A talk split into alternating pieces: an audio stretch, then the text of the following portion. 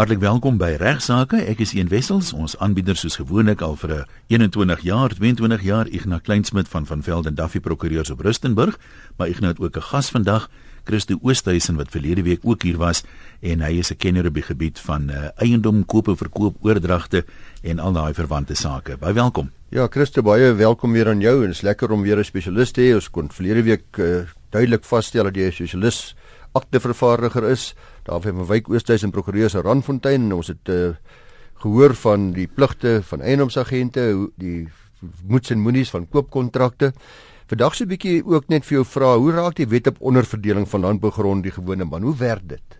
Dink dit, dit kan die gewone man raak uh in baie gevalle.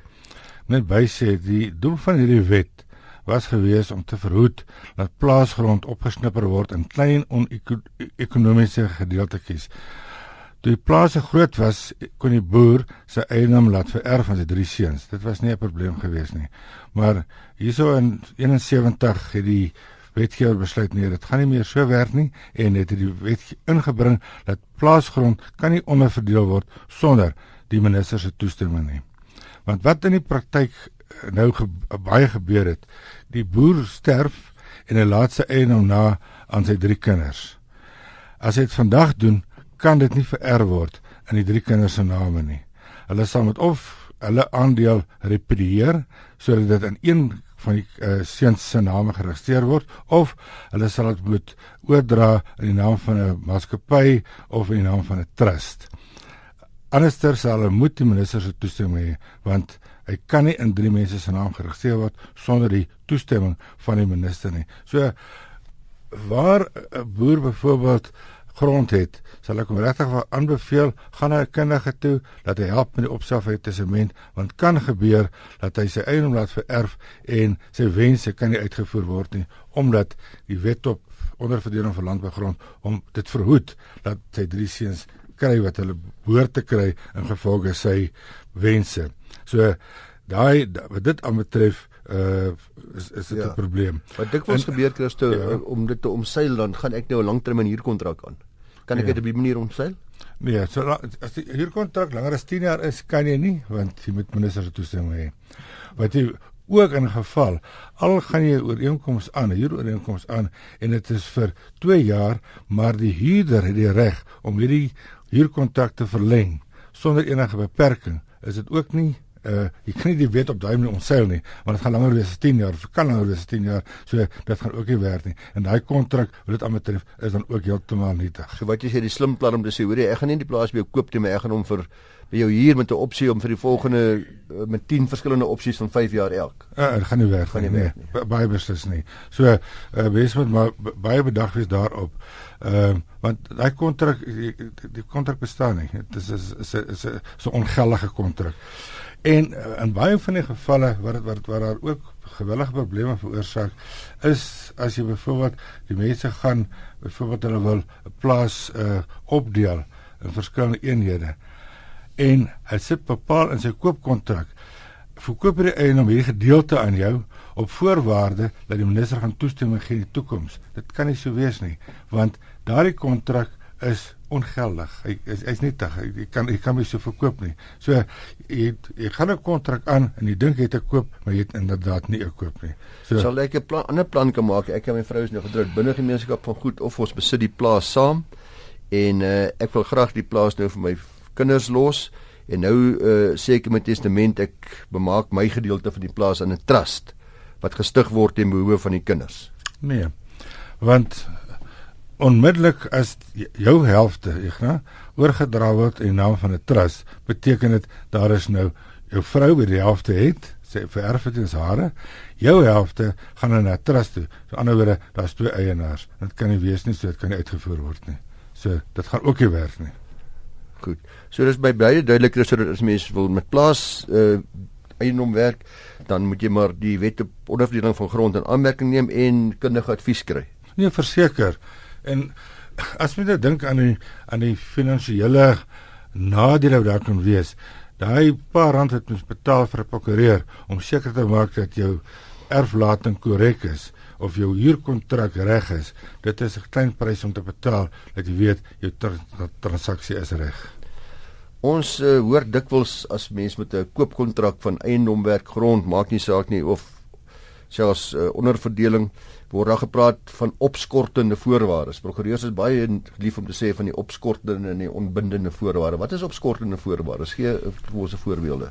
Ek gaan uh die meeste gevalle waar mense opskortende voorwaardes kry hier en daar se tyd is waar daar 'n verband is en die kontrak bepaal die ooreenkoms is onderhewig aan die verkryging van 'n verband vir 'n bepaalde bedrag en binne 'n sekere tyd en indien die verband nie verkry word nie is is hy is die kontrak opgeskort aan die ander wyse daar is dan nie 'n kontrak as hy nie aan daai bepaalde tydperk aan 'n verband uh, uh verkry is nie nou baie agente dan maak hulle 'n groot fout hulle hulle sit 'n bepaalde tyd en sê jy moet 'n verband kry binne 30 dae 40 dae en nou kom daardie periode en die verband is nie goed te keer nie maar hy is hy's nou hy's in beginsel goed te keer, maar hy's nog nie goed te keer nie. Hy het nog nie die uh oor oor inkomste aanvaar nie. Dan uh kom die agent en gaan hom aan met die kontrak. En dit kan nie werk nie, want daardie kontrak na daai periode is nietig. Hy bestaan nie uh, dit is uh, daar is nie 'n kontrak nie. Ja. So hulle kan nie aangaan by kontrak nie. As hulle wil aangaan, moet daar 'n nuwe kontrak opgestel word of voor die periode moet hulle addendum maak en sê hierdie periode word verleng na na 'n verdere periode. Hier is 'n uh, ehm um, as jy wat gesag op hierdie punt dat uh daardie ooreenkoms moet in die tydperk nagekom word. Indien nie, daar is nie 'n kontrak nie. 'n voorbeeld van 'n hofsaak dalk? Daar's daar daar was 'n saak gewees Afrikaast en Pangbonye. Dis 'n 2014 beslissing. Wat in daai geval gebeur het, die eienaar was verkoop, ehm um, verkoper as Afrikaast gewees en die ooreenkoms gesluit met opskortende voorwaarde dat die koper se direksie moet hierdie kontrak of ooreenkoms moet hulle goedkeur die kontrak is aanvaar deur die goedkeuring van die uh direksie, maar dan moet hierdie goedkeuring ook deurgegee word aan die uh aan die verkoper uh binne 7 dae na sluiting van die kontrak skriftelik of mondelik? Dit, dit moet skriftelik wees ja skriftelik uh wees. Nou wat het daar gebeur het is die die kontrak is gesluit op die 11de april. Nou binne 7 dae na daai 11de april moes dit nou geregeer het maar hulle het hulle die bepalinge verkeerd gelees.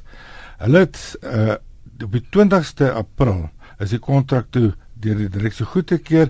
5 dae later, 25ste April, het hulle toe skriftelik kennis gegee die kontrak is dan nou aanvaar en daar is nou 'n geldige kontrak tussen die partye.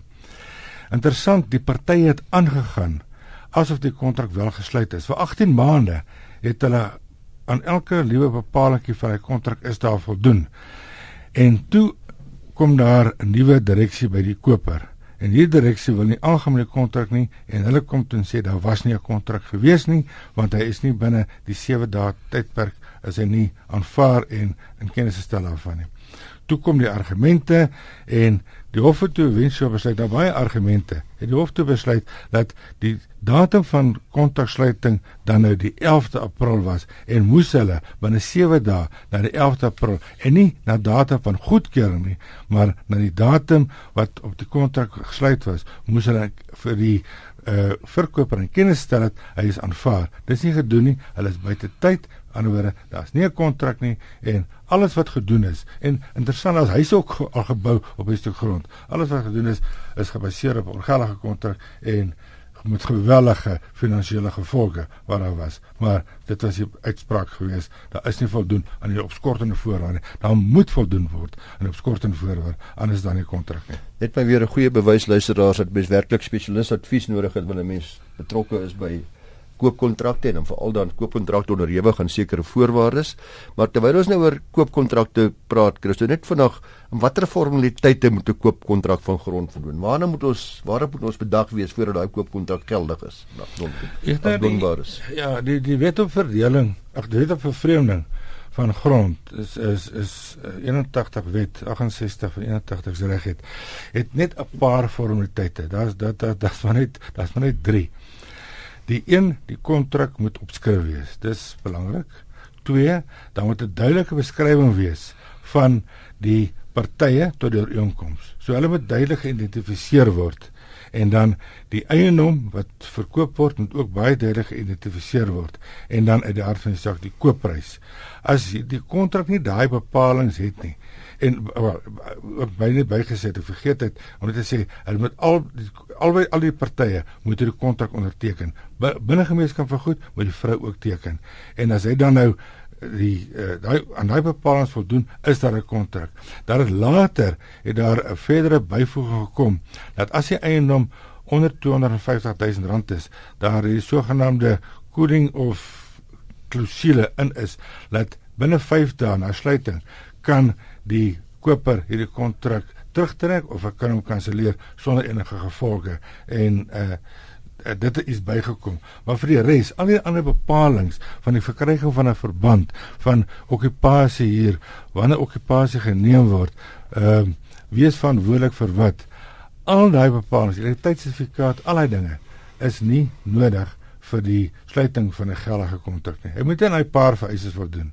Hier ander goed kom by wat uit die aard van die saak later 'n situasie het wat daar uh, regsaake kan ontstaan uh mense sê dat al, al die voldoende bepalinge nie, maar die basiese beginsels volgens die wet is maar net daai daai vier beginsels. Christo, ek koop 'n eiendom op 'n veiling of ek koop hom by die verkoper maak nie saak nie. En later word ek deur die munisipaliteit aangespreek wat sê man, hierdie man was vir baie jare agterstallig met sy eiendomsbelasting. Uh die vraag is en ek kan 'n eienaar aanspreeklik wees vir die skuld van vorige eienaars. Kan 'n nuwe koper ek wees vir die skuld van 'n vorige eienaar? Ek nee, ja, ongelukkig. Dit was nou 'n groot ja, daaroor. Ek nee, ja, dis die, die sit as Swan en Miller. Ja. Uh dit dit het spraak vir die gekom het hier so in Januarie, dink ek van hierdie jaar. Is Mitchell, Mitchell. Ja, Mitchell, skus. Uh ja. dit is uh dit Januarie, ja, dit is uh ja, daai daai beslissing is ongelooflik onregverdig. Dit skep verskriklike probleme ek wil 'n bietjie teruggaan. Voor hierdie uitspraak was gewees dat die eienaar aanspreeklik is vir 2 jaar voorafgaande se munisipale uh uitgawes soos soos byvoorbeeld die uh waterligte. Belasting was altyd uh vir 'n periode van 30 jaar met al die ander heffings net vir 2 jaar. Toe besluit die hof nee dit hulle gaan nou ook aanspreeklik gehou word vir alle skulde wat vorige eienaars aangegaan het vir 'n periode van 30 jaar. So dit as jy net 'n bietjie dink wat se probleme dit skep.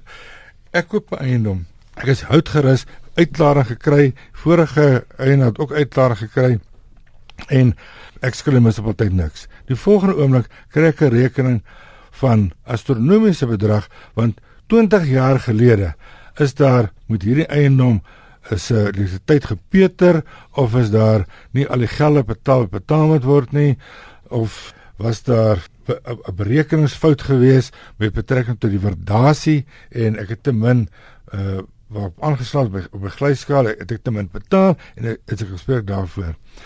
Nou sit ek met hierdie gewellige hoë rekening wat ek moet betaal. Ek ek ek ek ek kan nie anders doen ek moet dit betaal. So ek is nooit seker gaan ek hierdie eiendom éventueel kosteloos behou sou kom gekoop het ja of nee. Banke, hulle sekuriteit is daarmee heen want die munisipaliteit het 'n voorkeur eis bo die banke. So banke uh hulle sekuriteit kom in gedrang.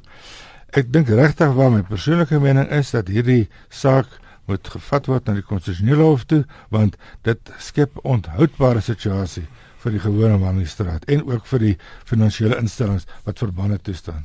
Christo net uh, voor ons nou bietjie gaan hoor wat die adverteerders gesê het, is dit ook net belangrik vir ons luisteraars om onthou dat die agterstallige bedrae ten opsigte van munisipale dienste soos water en ligte, dis nou ons kragrekening ensovoorts, alhoewel jy aanspreeklik is vir die vir die uh, vir baie lank tyd terug, daardie eise verjaar steeds binne 3 jaar. Dis net eiendomsbelasting self wat dan wat vir 30 jaar nie verjaar nie. So die beperking is nog steeds daar. Dit betref die ander een is net dat ook dat enige verweere wat die vorige eienaar kon opper ook tot die beskikking is vir die nuwe eienaar. Soos byvoorbeeld Estoppel. Jy weet daai soort van verweer, dis ook 'n moontlikheid. En uh maar soos jy reg sê, daar's regtig baie ongelukkige rolspelers in die eienaarsbedryf. Wat 'n gunste daarvan is dat hierdie saak nou so gou as moontlik dat die konstitusionele hof toe moet aangehoor moet word want uh, intussen is daar mense wat werklik skade ly. Voor ons aangaan, ek nou miskien net so vinnige vraagie. Mense wat nou al heelwat eiendom gekoop en verkoop het, het gewoonlik min of meer die idee hoeveel geld 'n ou op sy moet sit vir oordragskoste, hereregte, al daai tipe van dinge. Maar eerste keer kopers kyk baie keer rond en nou dink hulle o, hulle kan die verbandpaaiement bekostig, maar dan maak hulle nie altyd voorsiening vir hierdie hierdie kostes wat 'n mens maar in kontant moet reg hê nie. Kan ons miskien so net 'n idee gee sê nou jy koop 'n eiendom van 'n miljoen rand, ja. hoeveel moet 'n mens begroot vir oordragkoste en hereregte en die dinge? Ja, een is 'n goeie vraag want mense dink dikwels dat dit die prokureurs is wat so duur is terwyl die grootste deel van die kostes van wat genoem word prokureurskoste is natuurlik die hereregte wat betaalbaar is in die staat. Dis 'n belasting wat in die staat betaalbaar is en elke jaar met die begrotingstoespraak sal die minister van Finansies weer aankondig hoe die hereregte belasting verminder of verhoog, natuurlik eintlik maar verhoog normaalweg en hierdie jaar was dit weer so gewees.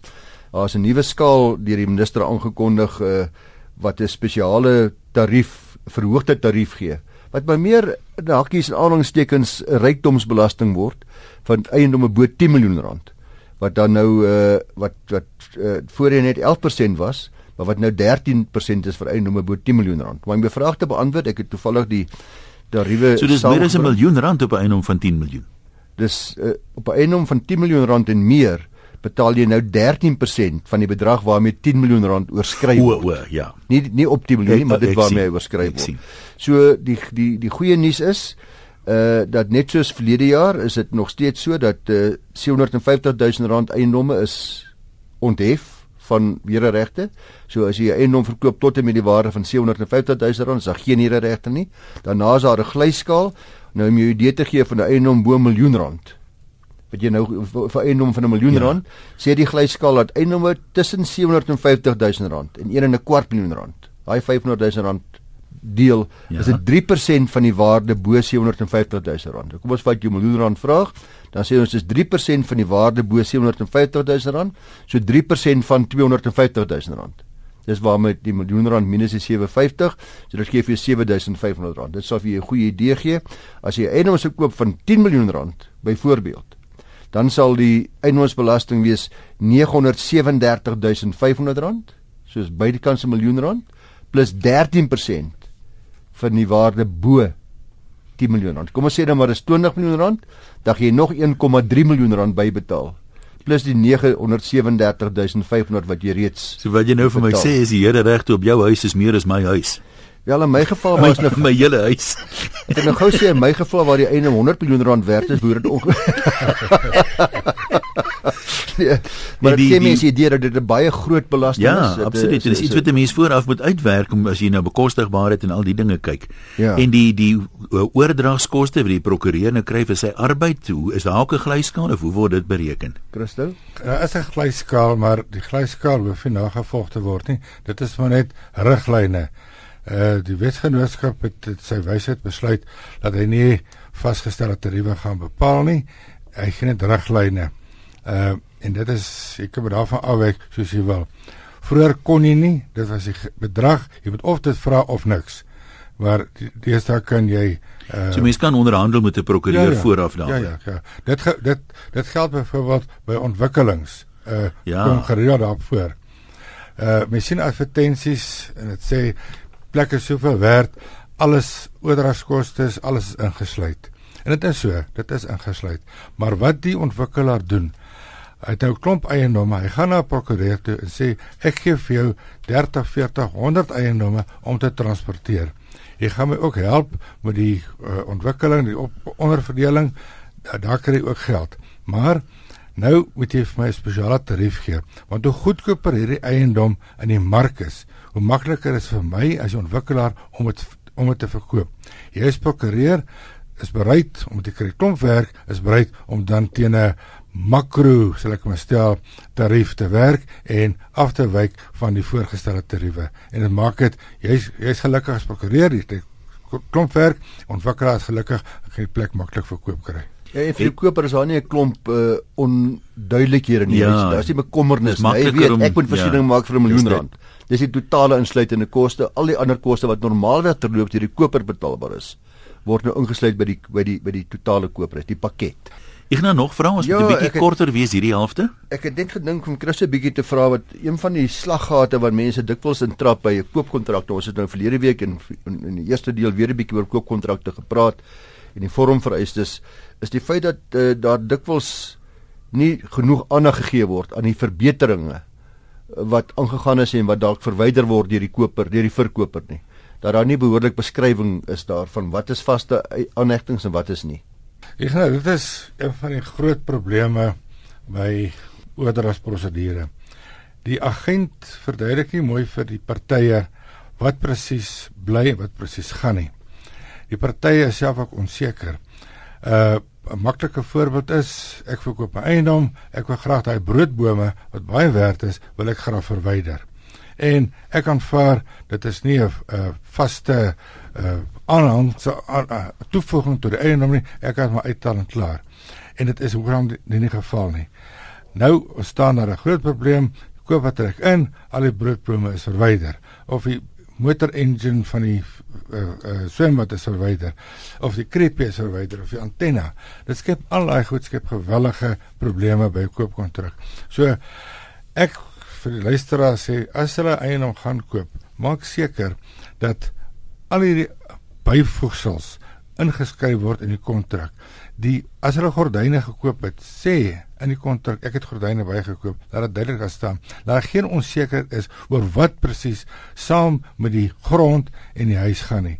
Want ja. as dit duidelik het ingesit word, kan daar nie onsekerheid wees nie en kan daar hoegenaamd nie probleme wees nie. Maar die grootste frustrasie is die partye trek in die oordrag is nog nie daar nie wat gereël nou vir voor okupasie, voor registrasie en hulle trek in, nou kom hulle agter die so gesê die broodboom is weg of nou is die krepie weg of die antenne is weg of die alarmstelsel is weg. En kom hulle by ons ingestap en sê hoorie ons gaan nie voort met die koop nie of uh, julle kan nie uitbetaal voordat die goed nie uitgesorteer is nie.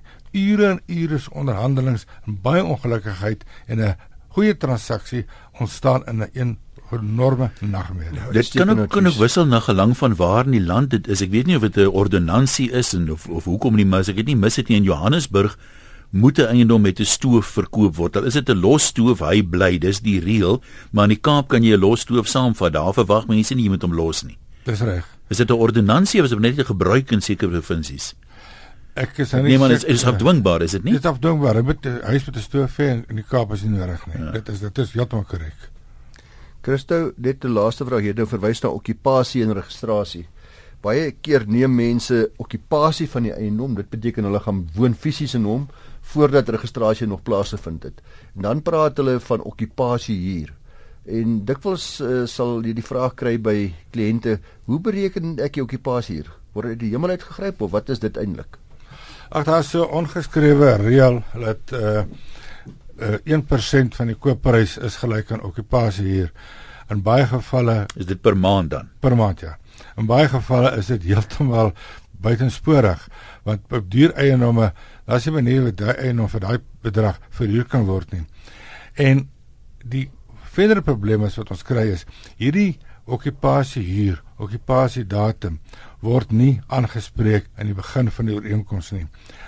Wat in die praktyk gebeur is, hulle sit registrasie, okupasie by registrasie en almal is gelukkig.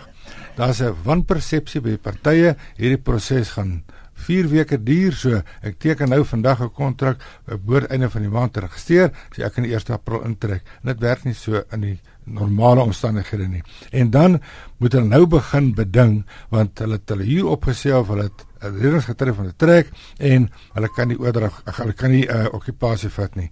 En nou begin die groot gevegte want uh, wat is die bedrag wat betaal moet word? Die gewoonlik vir die koper niks betaal nie, die verkoper wil baie uh, baie geld hê en regtig dit skep weer eens 'n groot probleem. My advies is besluit voor die tyd wat gaan as ons intrek? Watter datum gaan ons intrek as jy dit wil doen en besluit watse bedrag gaan betaal vir okupasie hier? Want mens kan nie op die sluiting van die kontrak bepaal wanneer gaan ek okupasie neem as 'n registrasie is, want daai datum is on, is on, on, onbekend. En soveel dinge is ons reeds gesê het al in die verlede wat ons nou gepraat het, dit kan baie langer duur as wat ons geantisipeer het. Ja, die ander praktiese ding daarmee is dikwels sê nou maar jy huur nou, jy koop, jy gaan in jou huis bly wie jy koop. Nou moet jy jou huur opsê, jy moet 'n maand kennis gee. Ja. Uh, en dis daar kom 'n nuwe huurder, jy weet nou het jy nie meer blyplek vir daai maand nie. Dis ja, dis absoluut so. Dis reg ja. So dit dit skep ook daai daai probleme. En dit kan regtig wat kan dit kan verskriklike gevolge hê. Weet jy verder aspek oor die oor die voorgestelde berekening van die huur uh, en jy sê wat in praktyk gewoonlik gebeur, jy kyk dat die 1% is 100% reg, maar ek dink dit is dikwels billiker om wat te kyk na wat normale huurgeld in die omgewing vir soortgelyke huise sou wees. Ja, ja, net nee, dit is ja te reg. Ja. 'n Huis van 'n ja. miljoen rand gaan jy nie ook sommer 10000 'n maand voor kry vir huur nie. Ja. So. Daar ek ek herhaal myself, is dit belangrik dat hierdie aspekte in die begin vir 'n inkoms ja, uitgeklaar word en nie eers as ons kom by uh oor oorhandiging van die stelsels nie. Ons tydjie is uh, verstreke. Christo, miskien net weer jou kontak besonderhede gee, dalk 'n e-posadres as mense ander uh, vrae het, dan ander ding veral wat ons bespreek het hier oor koop en verkoop en oordragte. Goed, my e-posadres is koureel, is C O R E A L @telkomsa.net. Luisteraars kan my op daai e-posadres enige tyd kontak. Ek sê vir jou baie dankie, Ignas vir jou ook. Ja, baie dankie Christo. Groete. Nee, dankie.